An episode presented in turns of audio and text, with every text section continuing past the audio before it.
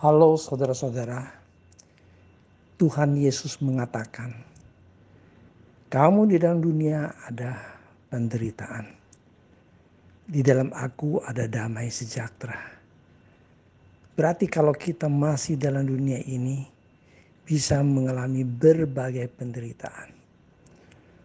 Tuhan tidak pernah berjanji bahwa anak-anak Tuhan ketika masih di dalam dunia tidak akan mengalami penderitaan atau tidak akan mengalami penyakit.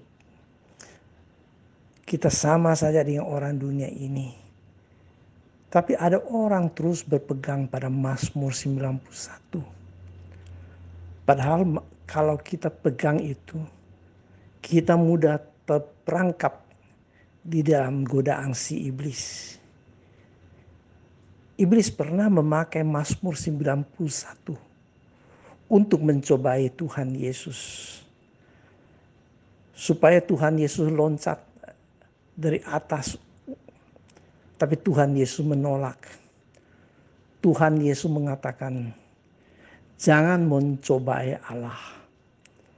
Saudara-saudaraku, maka kita juga harus belajar seperti Tuhan Yesus kita ada berbagai kelemahan. Kita adalah manusia yang rentan. Kita adalah manusia yang hidup di dunia ini sama dengan orang-orang di dunia ini. Orang dunia ini dengan kita di dalam hal wabah sama saja. Orang Kristen tidak ada keistimewaan di dalam hal ini. Kalau kita anggap kita ada keistimewaan. Itu berarti kita mencobai Allah. Ada tanggung jawab dari Tuhan untuk kita supaya kita tidak terjangkit, tidak tertular penyakit dengan menjaga jarak, dengan menjaga kebersihan. Saudara-saudaraku yang kasih, kita sering kali lupa bahwa yang paling penting kita juga harus jaga diri. Kita harus jaga hati. Memang Tuhan mau menjaga kita. Tapi Tuhan ingin supaya kita juga tahu diri. Tahu bagaimana menjaga diri kita. Juga menjaga hati kita. Menjaga iman kita-kita. Tetap di dalam Tuhan. Di dunia ini ada penderitaan. Tapi di dalam Tuhan tetap ada damai sejahtera. Amin. Saudara-saudara yang kekasih dalam Yesus Kristus, ada sebuah ayat yang selalu menggetarkan hati kita kalau kita membaca kembali saat ini. Kisah para Rasul. Pasal 16 ayat 25. Kisah para Rasul 16 ayat 25 tapi kira-kira tengah malam, Paulus dan Silas berdoa dan menyanyikan puji-pujian kepada Allah. Dan orang-orang hukuman lain mendengarkan mereka. Oh saudaraku yang kasih, kira-kira tengah malam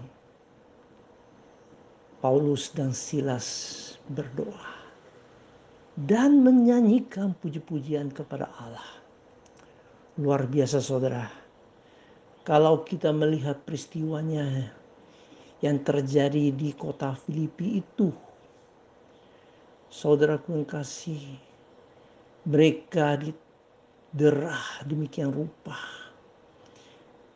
Dikoyak bajunya. Ayat 22 pembesar-pembesar kota itu menyuruh mengoyakkan pakaian dari tubuh mereka dan menderah mereka. Ayat 23 dari kisah Rasul 16 ini. Setelah mereka berkali-kali diderah, sungguh menyakitkan. Sungguh-sungguh sangat terhina mereka dilemparkan ke dalam penjara. Kepala penjara diperintahkan untuk menjaga mereka dengan sungguh-sungguh sesuai dengan perintah itu.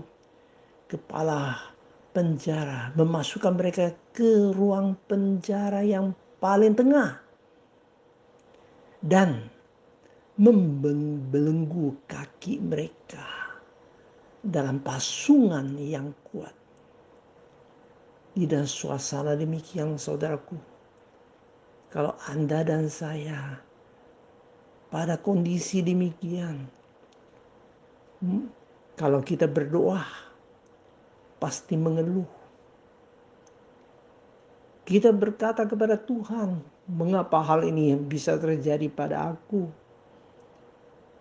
Tapi ketika mereka berdoa di sana berdoa, mereka bersyukur. Luar biasa. Inilah anak-anak Tuhan. Inilah hamba-hamba Tuhan.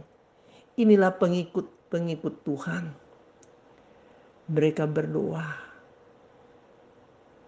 Tetap menyatakan mereka mengasihi orang itu mereka mungkin berdoa seperti Tuhan Yesus di kayu salib. Mengatakan ampunilah mereka itu. Terberbuat hal-hal yang tidak baik untuk hamba Tuhan. Saudaraku yang kasih. Mengapa mereka bisa di dalam keadaan susah. Pada tengah malam.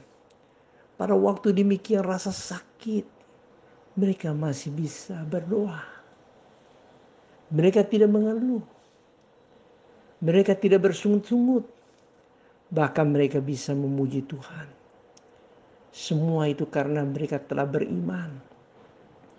Orang yang sungguh-sungguh beriman adalah orang yang sudah terima Tuhan Yesus.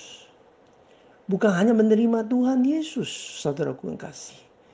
Tapi dia menyerahkan dirinya sepenuhnya untuk masuk ke dalam Kristus. Menyerahkan diri sepenuhnya karena Kristus adalah paling indah dan segala-galanya baginya. Sehingga dia menyerahkan diri di dalam Kristus. Maka orang beriman bukan Yesus berada di dalam dirinya. Orang beriman yang sungguh-sungguh adalah dirinya berada di dalam Kristus. Seperti kesaksian Rasul Paulus Bila ada orang berada dalam Kristus, dia adalah ciptaan baru. Yang lama terus berlalu, yang baru terus terbit. Berada dalam Kristus, inilah orang beriman. Sehingga bukan kondisi luar yang atur dia bersikap. Tapi kondisi di dalam hatinya itu, dia tahu bagaimana menjaga diri dia tahu bagaimana menjaga hati. Oh saudaraku, jagalah hatimu lebih dari segala-galanya. Jagalah hatimu, jangan biarkan hatimu menyeleweng dari Allah. Hati mereka tetap terarah kepada Allah. Hati mereka tetap mau terangkat, bukan menjadi down. Ketika mereka mengalami lock down. Mereka berada dalam penjara. Mereka rasa sakit bukan main. Sakitnya paling luar biasa adalah sakit di dalam hati. Tetapi hati mereka terpelihara. Dan mereka menjaga hati mereka. Hati mereka tetap terangkat. Tidak akan down. Tapi up. Up. Dan terus menerus terangkat. Terbang ke sorga Hati mereka bagaikan sorga hadir. Mereka pada waktu itu tetap bisa menyanyi. Haleluya. Mereka bisa memuji Tuhan. Karena mereka bukan hidup di dalam dunia. Hidup di dalam kegelapan. Hidup di dalam penjara. Tapi mereka hidup dalam Tuhan. Amin.